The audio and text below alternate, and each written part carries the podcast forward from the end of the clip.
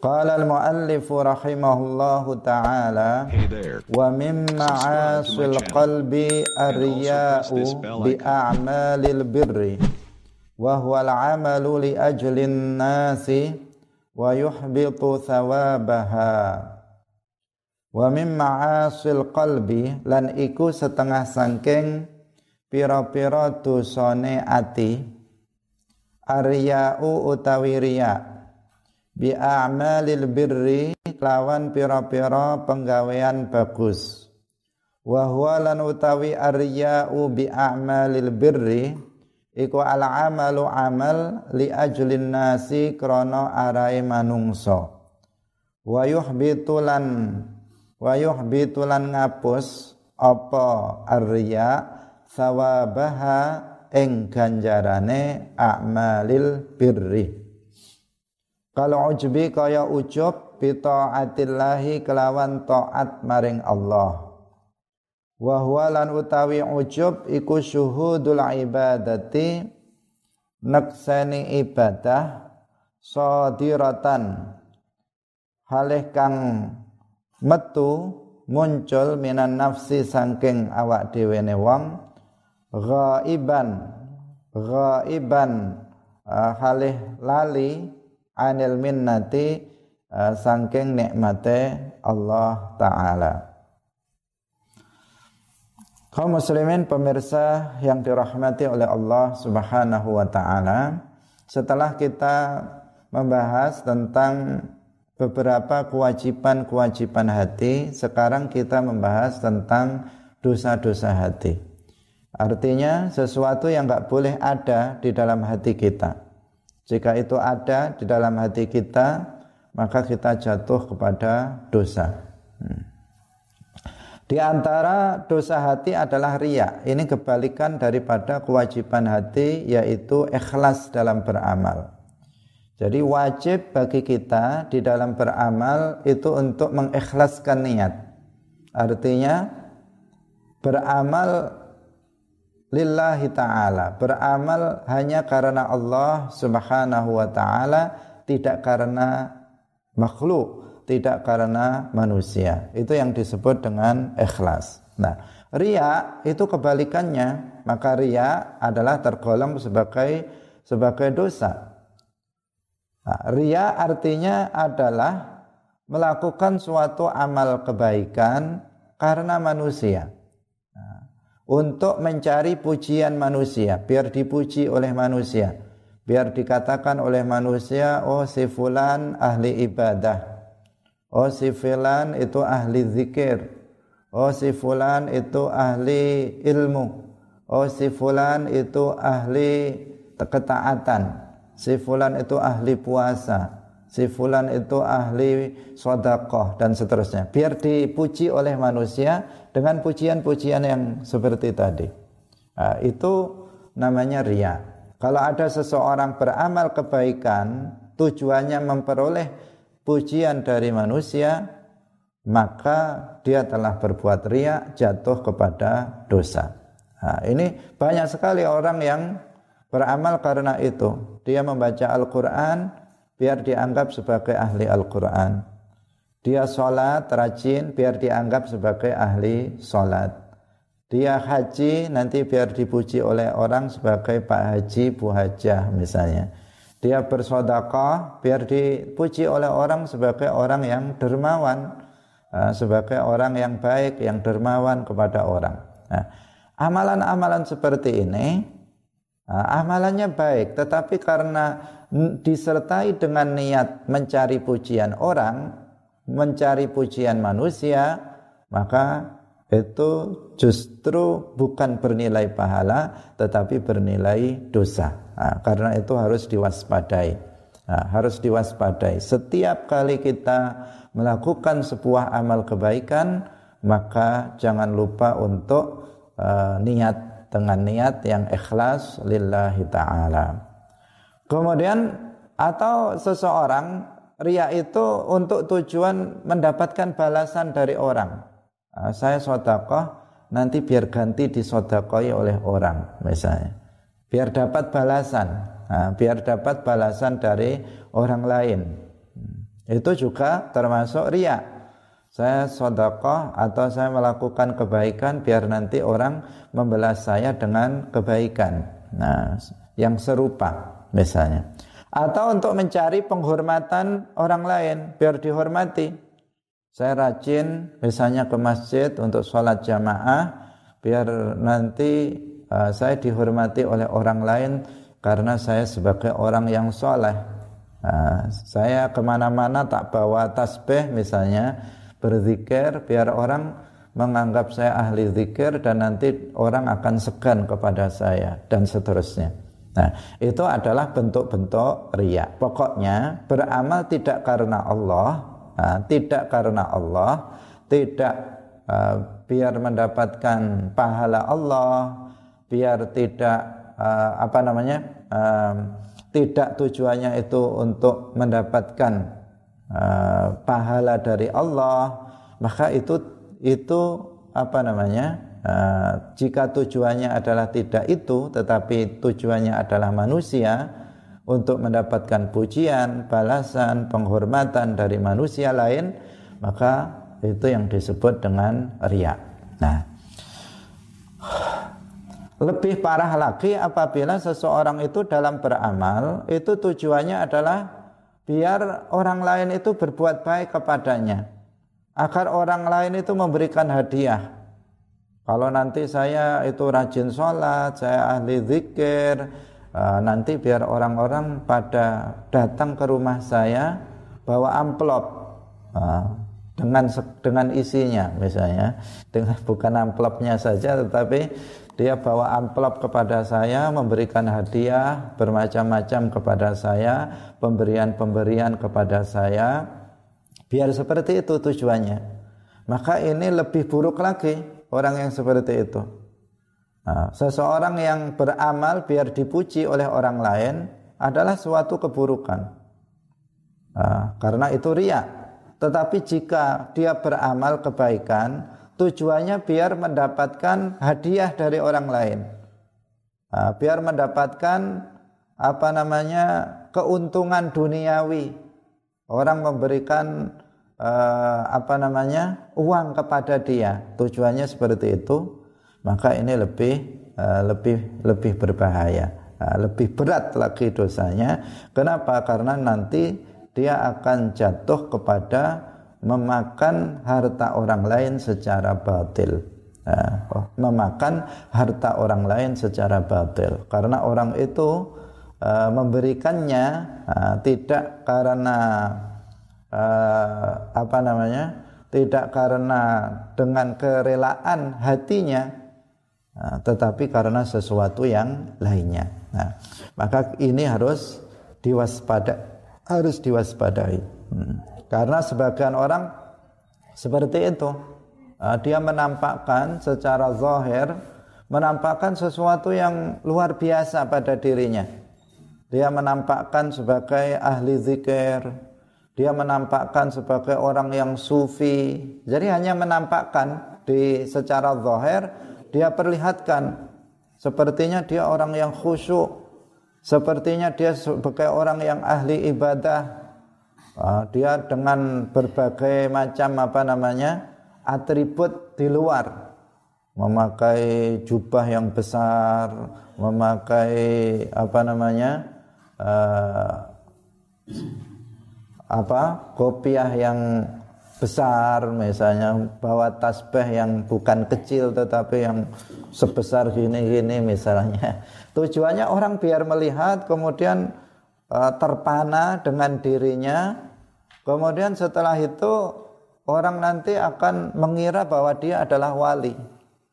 Nah, setelah itu orang berbondong-bondong datang ke rumahnya untuk nyalami dia salam tempel itu yang dia inginkan nah, kalau tujuannya itu maka ini lebih berbahaya nah, lebih berbahaya kenapa karena dia pertama ada riak yang kedua dia uh, selain riak Ah, dia juga menipu, menipu orang lain karena dia tidak seperti yang terlihat pada hakikatnya.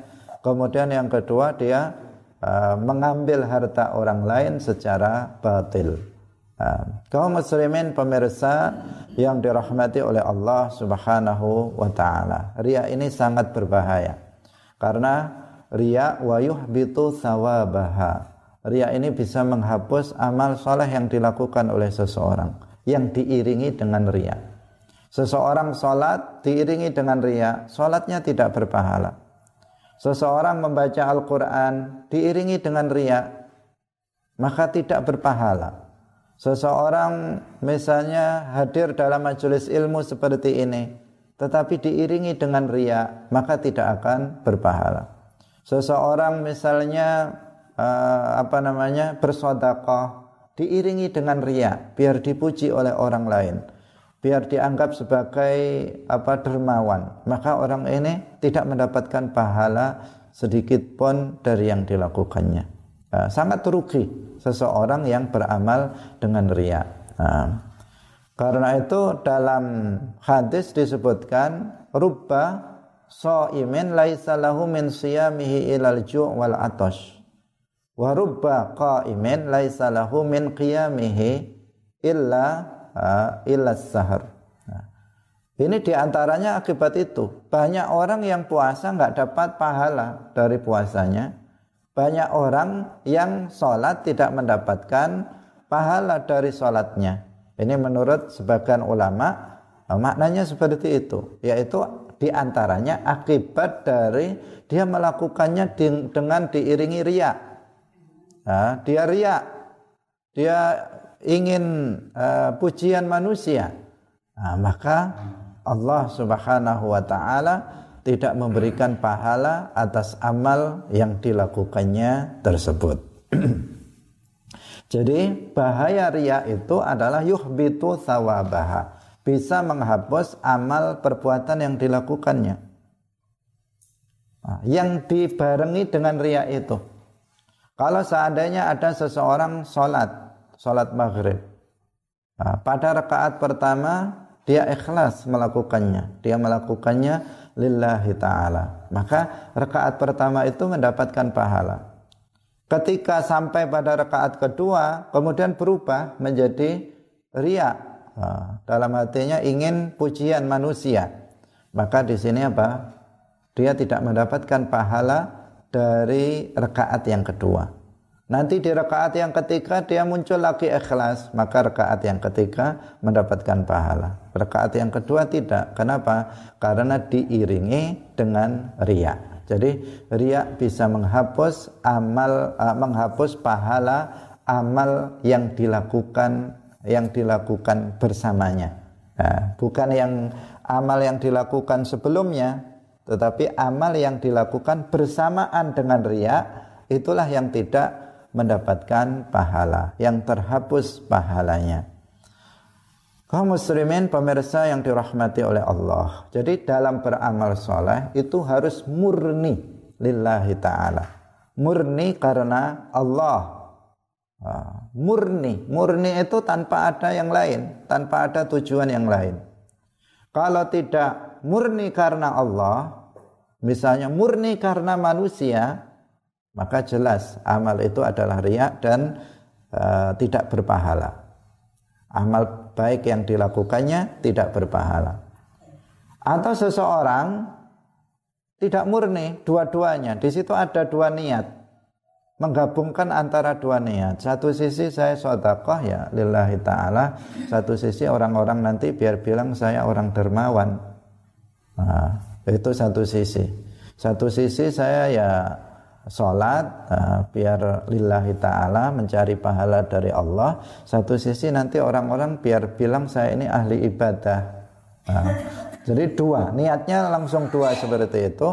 Maka itu masih disebut riak dan tidak berpahala. Dia tidak mendapatkan apa-apa. Karena nggak bisa dicampur di sini. Antara riak dan ikhlas itu tidak dicampur. Karena ikhlas itu apa? Beribadah lillahi wahdah hanya karena Allah. Kalau karena Allah dan lainnya itu bukan ikhlas. Apalagi kalau hanya karena selain Allah, maka itu bukan ikhlas. Nah, sehingga dalam hadis disebutkan suatu ketika ada seorang laki-laki datang kepada Rasulullah Shallallahu Alaihi Wasallam. Dia berkata, "Ara'aita rajulan ghaza yaltamisul ajra wa dzikra." Bagaimana pendapat engkau wahai Rasulullah mengenai seseorang yang dia berjihad, pergi perang, berjihad, dia mengharapkan mengharapkan pahala, itu berarti di sini ikhlas, tetapi wazikra juga juga berniat untuk mendapatkan sanjungan. Jadi dia ingin mendapatkan pahala dari Allah, juga ingin mendapatkan sanjungan biar disebut sebagai pahlawan, biar disebut sebagai seorang pemberani. Alaihi Wasallam menjawab, la syai'a lahu. Dia tidak mendapatkan apa-apa dari apa yang dia lakukan. Nah, orang ini pun bertanya lagi sampai tiga kali. Fa'adaha salah samarrat. Dia mengulangi pertanyaan ini tiga kali. Bagaimana wahai Rasulullah? Seseorang pergi berjihad, nah, dia ingin mendapatkan niatnya adalah biar mendapatkan pahala dari Allah. Kemudian dia juga ingin disebut sebagai pahlawan. Ingin juga dia disebut sebagai seorang pemberani. Nah, biar dipuji oleh manusia. Bagaimana ini? Jawaban Rasulullah tiga kali tetap sama, la syai'a lahu. Dia tidak mendapatkan apa-apa dari yang dilakukannya. Kemudian Rasulullah Shallallahu Alaihi Wasallam bersabda, Inna Allah la yaqbalu minal amali illa ma kana khalisan wa batughiya bihi wajhuhu. Ah. Allah tidak menerima amalan kecuali jika dilakukan dengan ikhlas dan mengharapkan ridhonya. Jadi hanya karena hanya amal yang disertai dengan ikhlas itulah yang diterima oleh Allah Subhanahu wa taala. Nah, karena itu kita mesti untuk berhati-hati, nah, untuk senantiasa beramal karena Allah. Karena akan sangat rugi besar jika kita banyak melakukan kebaikan-kebaikan tetapi ternyata tidak mendapatkan pahala dari Allah Subhanahu wa taala dikarenakan riya. Nah.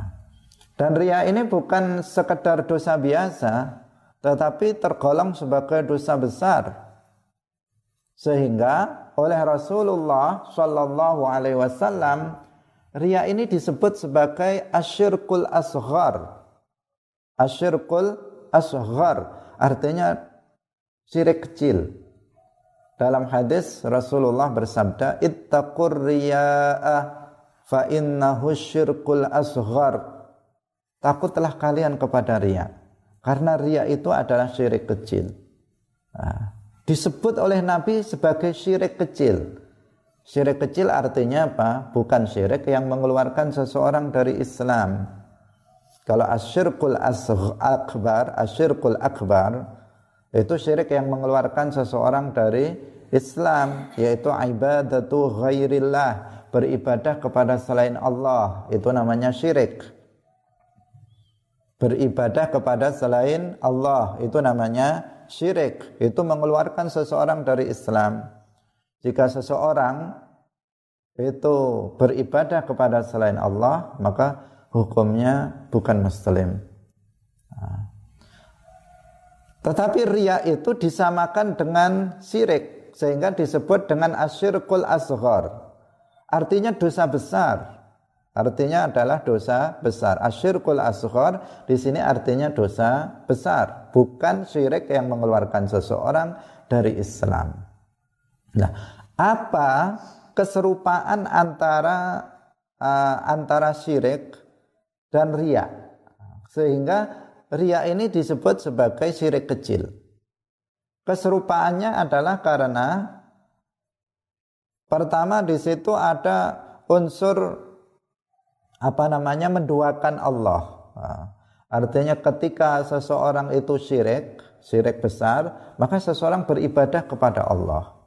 Ketika seseorang itu beramal dengan ria, maka dia menyertakan selain Allah dalam ibadah kepada Allah. Dia beribadah kepada Allah, tetapi ada niat selain Allah. Nah, itu yang pertama. Kemudian yang kedua, keduanya sama-sama menghapus pahala amal kebaikan yang dilakukan oleh seseorang. Nah, bedanya kalau ria, eh, kalau syirik, nah, syirik besar itu menghapus semua kebaikan yang dilakukan oleh orang itu seumur hidupnya.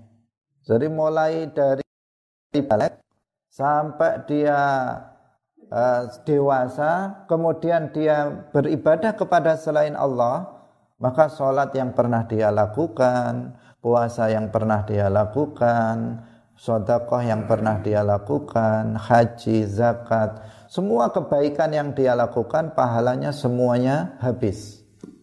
Itu kalau syirik besar. Tetapi kalau syirik kecil yang disebut dengan ria itu nggak seperti itu. Dia hanya menghapus pahala amalan yang diiringi dengan ria. Nah, jadi kalau tadi kita sebutkan seseorang sholat tiga rakaat yang yang pertama ikhlas dapat pahala, yang kedua tidak ikhlas, maka rakaat yang kedua saja yang tidak mendapatkan pahala. Hari ini seseorang bersodakoh lillahi ta'ala, nggak ada niat yang lain, maka dapat pahala. Besok dia bersodakoh tidak lillahi ta'ala, tetapi karena manusia, biar dapat pujian manusia. Maka ini tidak mendapatkan pahala tetapi pahala yang kemarin yang hari ini pahala yang hari ini yang disertai dengan ikhlas itu tetap tidak hilang. Tapi kalau syirik besar maka hilang semua pahala amalan yang pernah dilakukannya selama hidupnya. Ini ini apa perbedaannya? Perbedaan di antara keduanya eh, di antara keduanya dan persamaan. Persamaannya sama-sama menghapus amal pahala amal kebaikan tetapi bedanya yang dihapus kalau ria itu adalah pahala amal yang dibarengi dengan ria sementara syirik yang terhapus pahalanya adalah seluruh uh, pahala amalan yang pernah dilakukannya. Nah itu sangat uh, sangat berbahaya. Nah Kaum muslimin pemirsa yang dirahmati oleh Allah, di antara yang menunjukkan bahwa ini bukan dosa biasa, tetapi dosa yang atau bukan dosa kecil adalah uh, bahwa adalah uh, dan itu tergolong sebagai dosa besar adalah firman Allah dalam Al-Qur'an, "Fawailul lil musallin alladzina hum an salatihim sahun alladzina hum yuraun." dikatakan wail azab yang pedih bagi orang yang sholat tetapi dia apa? Alladzina hum yuraun. Yang mereka uh, yang mereka alladzina hum yuraun ya pakai ham ya yang mereka itu dalam sholatnya itu karena ria uh, untuk mendapatkan pujian manusia. Sholatnya karena itu. Dikatakan apa? Wail dia mendapatkan azab yang pedih. Nah, ketika ada sebuah dosa dalam Al-Quran maupun hadis itu ada ancaman azab yang pedih, maka menunjukkan bahwa uh, dosa tersebut sebagai dosa besar. Yang seseorang harus yang dirahmati oleh Allah Subhanahu wa taala. Yang selanjutnya, dosa besar yang selanjutnya atau dosa hati yang selanjutnya adalah ujub. Uh, ujub Ujub dengan ketaatan kepada Allah. Ujub itu artinya apa? Ujub itu artinya adalah melihat ibadah itu muncul dari dirinya sendiri dan lupa bahwa itu nikmat Allah. Itu namanya ujub. Jadi dia muncul dalam hati dia perasaan bahwa ibadah ini karena saya. Ibadah ini adalah karena kehebatan saya. Lupa dia bahwa itu merupakan nikmat dari Allah Subhanahu wa taala. Nah, ini ini namanya ujub. Dan ujub ini juga termasuk dosa hati dan juga bisa menghapus pahala yang dilakukan yang disertai dengan ujub. Nah, seseorang misalnya uh, dia tidak uh, dia menghindari untuk uh, menghindari riak misalnya dia sholat kalau uh, biar nggak riak dia sholatnya sendirian misalnya uh, dia tengah malam baru sholat. Orang tidur, uh, orang tidur jam 2, jam 3 dia bangun untuk sholat. Nah, tujuannya apa? Ya nggak mungkin di sini riak. Mau riak sama siapa? Orang nggak ada yang lihat. Nah, orang nggak ada yang lihat. Nah, maka di sini yang harus diwaspadai adalah ujub. Dalam kondisi seperti ini, yang harus diwaspadai adalah ujub. Kalau riak kan ingin memperlihatkan di hadapan orang lain sehingga orang lain kemudian memuji dirinya. Kalau ujub ini bisa terjadi dalam kondisi ini dan dalam kondisi ketika seseorang sendirian.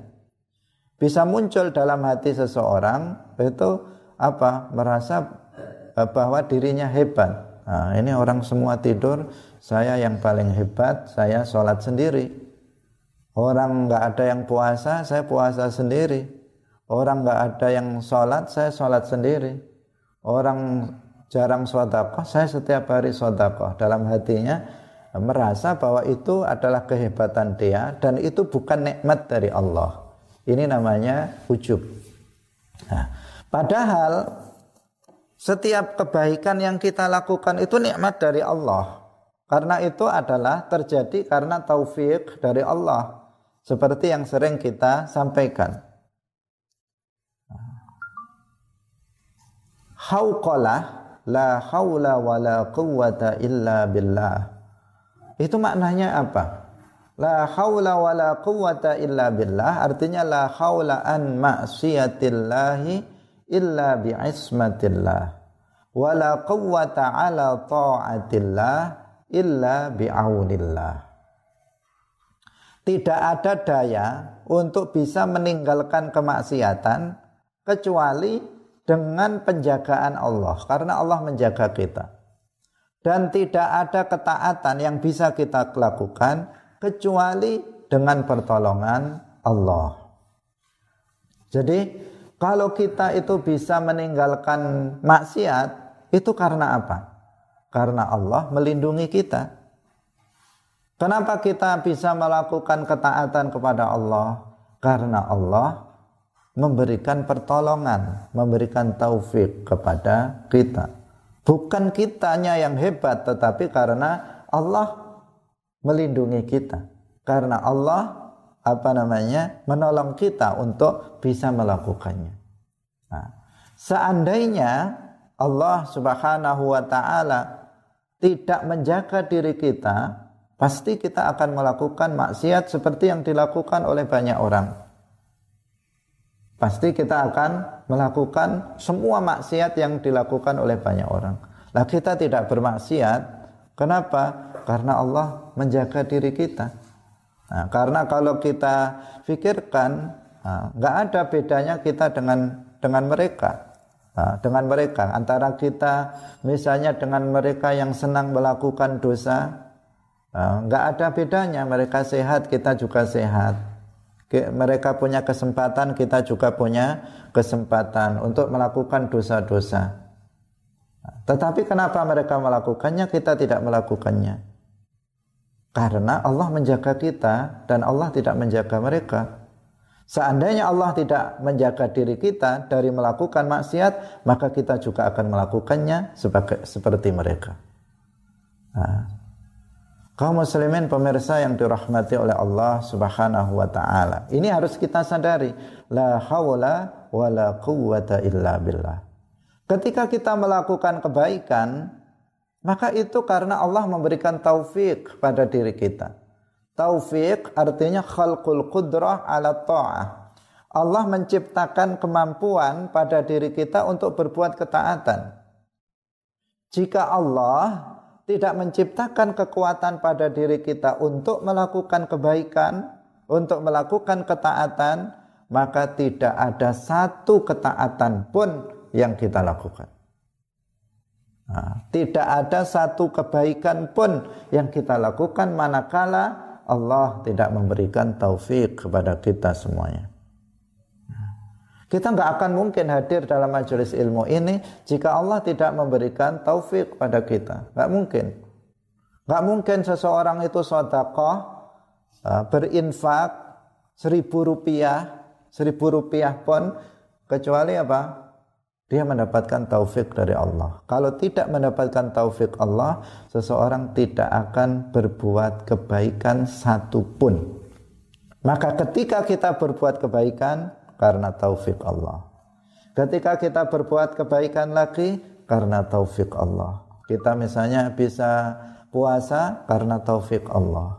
Kita bisa sholat malam karena taufik Allah. Bukan karena diri kita, Diri kita apa? Tanpa taufik Allah nggak akan berbuat kebaikan sama sekali kita. Tanpa taufik Allah, kita nggak bisa berbuat kebaikan secuil pun, setengah kebaikan saja nggak bisa.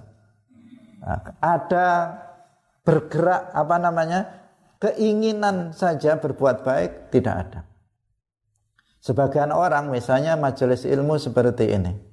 Nah, ada hatinya bergerak sedikit saja keinginan saya pengen itu aja ada ada yang nggak ada dalam hatinya kosong kosong belum nggak ada keinginan saya pengen hadir dalam majelis ilmu. Itu nggak ada sama sekali nggak ada. Apalagi kemudian melangkahkan kakinya untuk menuju ke majelis ilmu.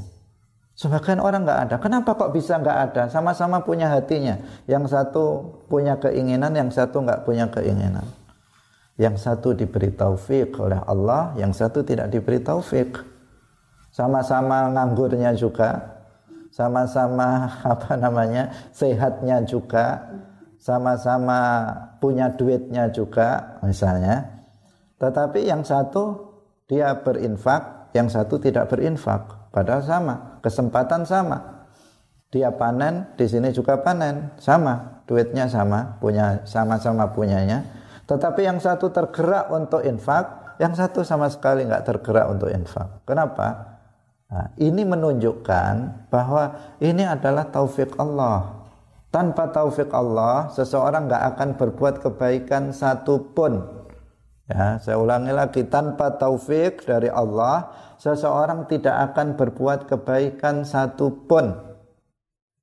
Satu kebaikan saja nggak akan dilakukan tanpa taufik Allah Subhanahu wa taala. Karena itu, kalau kita beribadah kepada Allah, maka kita harus bersyukur kepada Allah. Alhamdulillah saya bisa beribadah kepada Allah. Allah memberikan taufik kepadaku. Tanpa taufik Allah, kita nggak bisa apa namanya berbuat apa-apa. Nah, sehingga setiap kali kita mengawali uh, pertemuan kita ini selalu kita Ah, memuji Allah Subhanahu wa taala. Alhamdulillah dengan taufik Allah kita bisa bersama-sama dalam majelis ilmu. Karena tanpa taufik Allah nggak akan terjadi. Tidak akan terjadi seseorang itu berbuat kebaikan, ke, uh, berbuat ketaatan kepada Allah Subhanahu wa taala. Karena pertolongan Allah lah kita bisa berbuat kebaikan. Karena taufik Allah lah maka kita bisa sholat, kita bisa puasa, kita bisa zikir, kita bisa baca Quran, kita bisa berinfak, kita bersodakoh, semuanya itu adalah taufik Allah dan itu adalah nikmat yang sangat besar yang Allah karuniakan kepada seorang hamba. Karena tidak semua orang diberikan taufik. Orang yang dipilih oleh Allah yang diberikan taufik.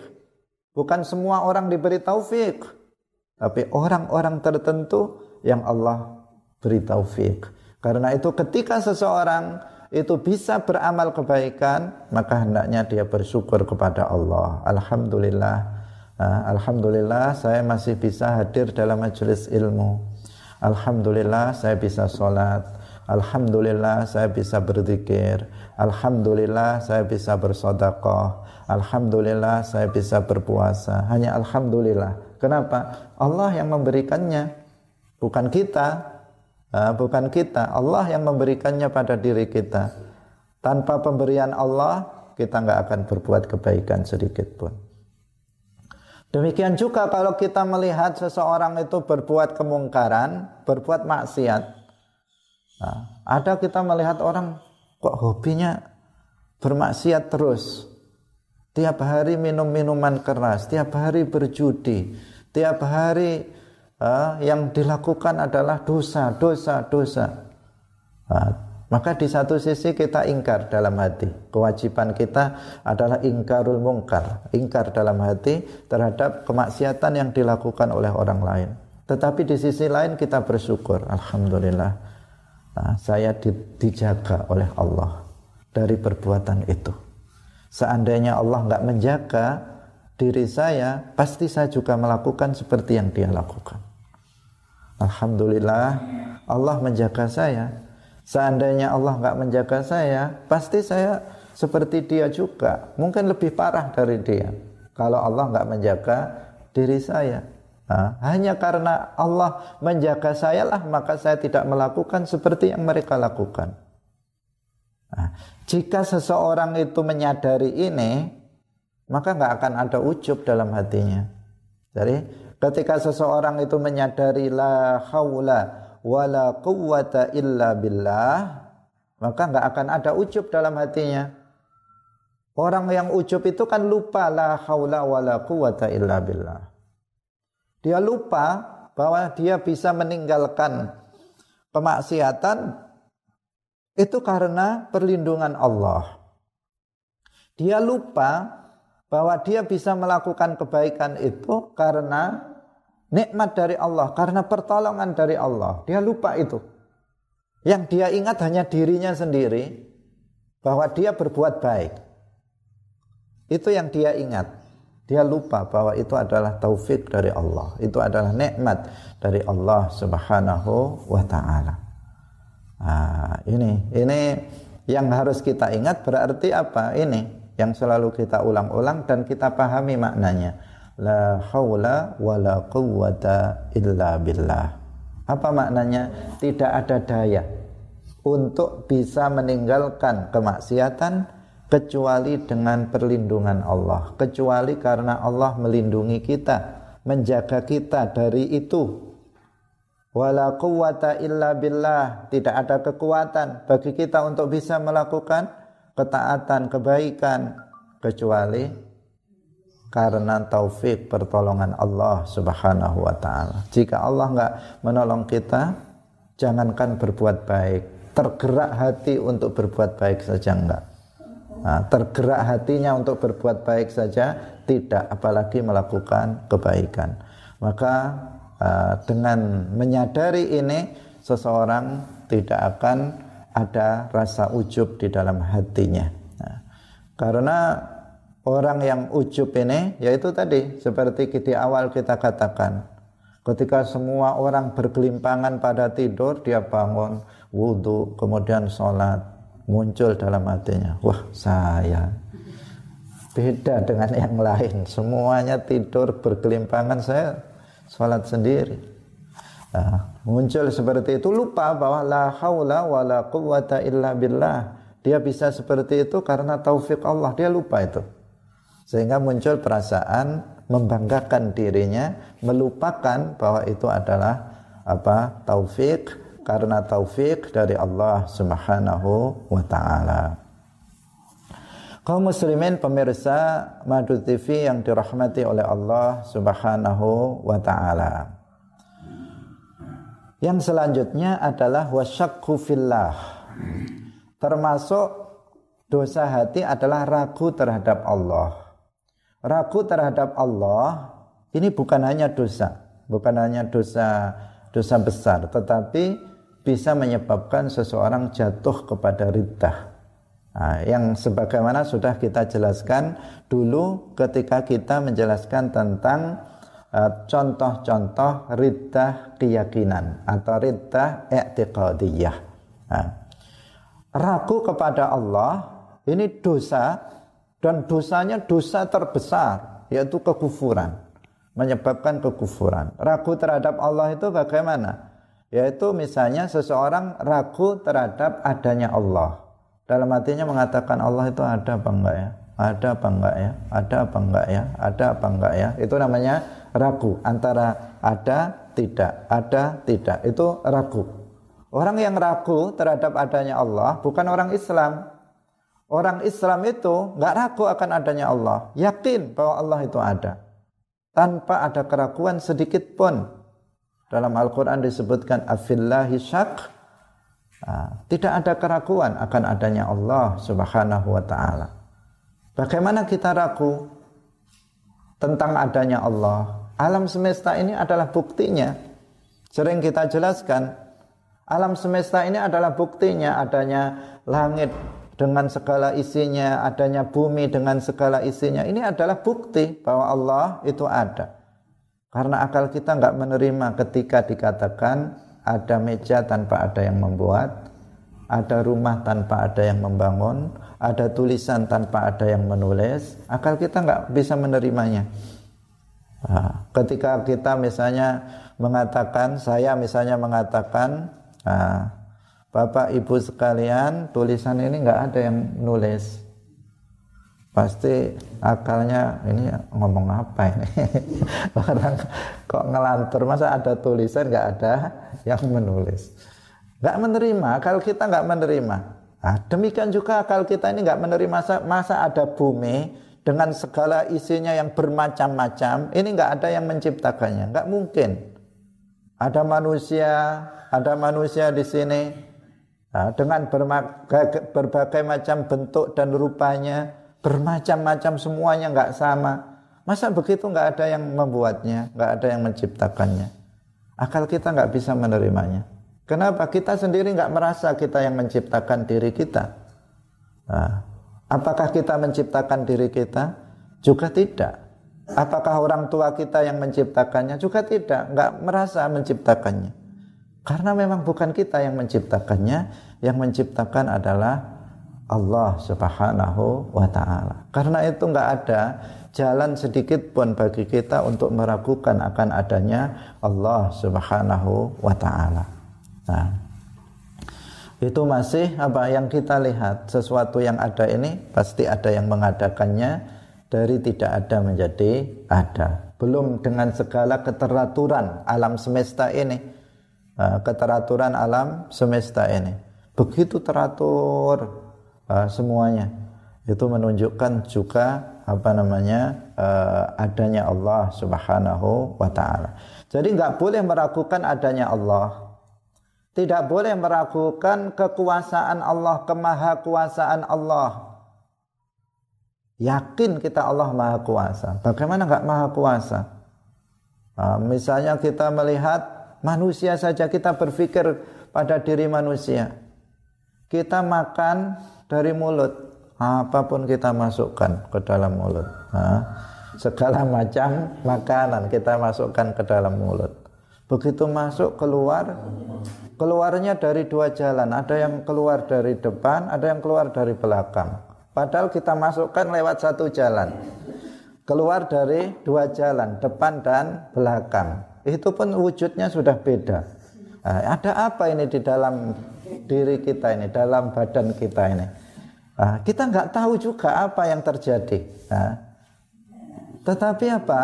Sebagian kemudian menjadi darah, sebagian makanan itu menjadi energi, menjadi kekuatan, sebagian menjadi daging, menjadi gemuk, sebagian menjadi tulang sehingga tulangnya bisa membesar. Itu apa yang terjadi? Kita nggak tahu. Bagaimana kemudian kita meragukan kekuasaan Allah Subhanahu wa taala? kita masih berpikir tentang diri kita, belum kita berpikir tentang alam semesta ini. Kita alam semesta yang di hadapan kita, tumbuh-tumbuhan, tumbuh, semuanya tumbuh dari tanah. Muncul buah berbeda-beda rasanya, berbeda-beda warnanya, bahkan terkadang satu macam. Macamnya jambu, tapi ada jambu ini, ada jambu itu, jambu ini rasanya beda, warnanya beda, bentuknya beda. Bagaimana? Semuanya keluar dari tanah. Bagaimana seperti itu kemudian seseorang meragukan kekuasaan Allah Subhanahu wa taala. Enggak ada peluang bagi kita untuk meragukannya. Allah Maha Kuasa. Nah, Allah Maha Kuasa, Allah Maha mengetahui, Allah Maha berkehendak, Allah Maha Esa. Kita yakin seperti itu dan tidak boleh seseorang meragukannya. Orang yang meragukan Allah meragukan adanya Allah, meragukan kekuasaan Allah, meragukan kemahaesaan Allah, meragukan kemahatauan Allah, ini uh, bukan hanya jatuh pada dosa besar, tetapi jatuh pada dosa yang terbesar, yaitu kufur. Nah, dia kufur. Jika dia muslim maka dia menjadi murtad, keluar dari Islam. Dalam Al-Quran sudah disebutkan Innamal mu'minuna alladzina amanu billahi wa rasulihi Thumma lam yartabu nah, Sesungguhnya orang mukmin itu Yang dikatakan orang mukmin itu adalah orang yang beriman kepada Allah dan Rasulnya Dia meyakini Allah itu ada Dia meyakini bahwa Muhammad itu Rasulullah Thumma lam yartabu Kemudian nggak nggak ragu-ragu dalam hatinya. Tidak ragu-ragu tentang adanya Allah. Tidak ragu-ragu tentang uh, tentang kerasulan Nabi Muhammad Shallallahu Alaihi Wasallam. Jika seseorang ragu, maka dia tidak disebut sebagai mukmin karena innamal mu'minun alladzina amanu billahi wa rasulihi thumma lam yartabu. Kaum muslimin pemirsa yang dirahmati oleh Allah terkadang dalam diri kita itu muncul khatir. Khatir itu adalah sesuatu yang eh, tiba-tiba uh, muncul dalam hati kita suatu perasaan dalam hati kita uh, yang kehadirannya tidak kita undang nah, artinya kita nggak menyengajanya tiba-tiba muncul begitu saja dalam hati tiba-tiba muncul begitu saja di dalam hati tanpa kita kehendaki. Ini namanya khatir. Dan khatir itu terkadang adalah sesuatu yang berupa uh, apa namanya berupa sesuatu yang seharusnya tidak tidak ada dalam hati kita. Misalnya tentang uh, tentang adanya Allah. Uh, tentang adanya Allah. Dalam hati tiba-tiba muncul Allah itu ada apa enggak? Itu tapi apa? Itu uh, tanpa dia sengaja muncul begitu saja. Itu namanya khatir. Itu namanya khatir. Bagaimana hukumnya? Kalau masih sebatas khatir itu tidak menjadikan seseorang kufur. Kalau masih sebatas khatir tetapi khatir itu tidak boleh dipelihara. Dia harus segera membuangnya. Dia harus segera membuangnya jauh-jauh. Eh, tidak boleh dipelihara. Karena jika dipelihara maka akan menjadi syak, akan menjadi ragu. Jadi ini kalau khawatir ini tingkatannya belum sampai pada ragu. Karena dia hanya sekilas muncul dalam benak kita tanpa kita kehendaki. Nah, dia tamu tidak diundang, dia, dia kita nggak mengharapkan adanya, tetapi tiba-tiba ada dalam hati kita. Mungkin ketika seseorang sedang melamun, seseorang sedang merenung, tiba-tiba muncul perasaan tentang Allah yang yang apa namanya? yang yang bertentangan dengan akidah. Maka di sini disebut khatir, seseorang harus segera membuangnya. Misalnya dengan mengatakan Allah Allah Rabbi la usyriku bihi syai'a. Allah Allah Rabbi la usyriku bihi syai'a. Allah Allah Tuhanku, aku tidak mensekutukannya dengan sesuatu apa pun. Nah, ini yang harus kita lakukan ketika itu muncul di dalam uh, hati kita uh, apa syak tersebut. Nah, kaum muslimin pemirsa yang dirahmati oleh Allah Subhanahu wa taala, jangan dipelihara. Yang uh, yang harus kita pahami adalah kaidah penting adalah bahwa apa pun yang terlintas dalam hati kita tentang Allah maka Allah tidak seperti yang uh, tidak seperti yang ada di dalam hati kita. Mahma tasawwarta bibalika fallahu bi khilafi ini kaidah yang harus kita pegang agar kita selamat. Nah, apa pun yang tergambar dalam hati kita tentang Allah tiba-tiba muncul uh, apa dalam hati ini menggambarkan Allah maka yakini Allah nggak seperti ini. Ini nggak benar ini. Kemudian langsung kita buang kita mengatakan tadi Allah Allah Rabbi la usyriku bihi syai'a. Atau mengatakan amantu billahi wa rasulihi aku beriman kepada Allah dan Rasulnya dan uh, apa ini kita segera buang karena jika dipelihara tadi apa menjadi syak dan ketika syak maka sudah masuk dalam di sini sebagai dosa hati yang uh, sampai pada derajat kufur. Nah, kaum muslimin rahimakumullah, semoga Allah Subhanahu wa taala menjaga kita, uh, menjaga kita, memelihara kita dari melakukan dosa-dosa hati. Nah, sehingga kita bisa membuang uh, semua penyakit-penyakit hati yang membahayakan uh, diri kita nanti di akhirat. Nah, demikian yang kita uh, kaji pada pagi hari ini semoga bermanfaat dan dapat kita amalkan dalam kehidupan kita sehari-hari. Barakallahu fikum wallahu muwaffiq ila aqwamit thariq. Wassalamualaikum warahmatullahi wabarakatuh.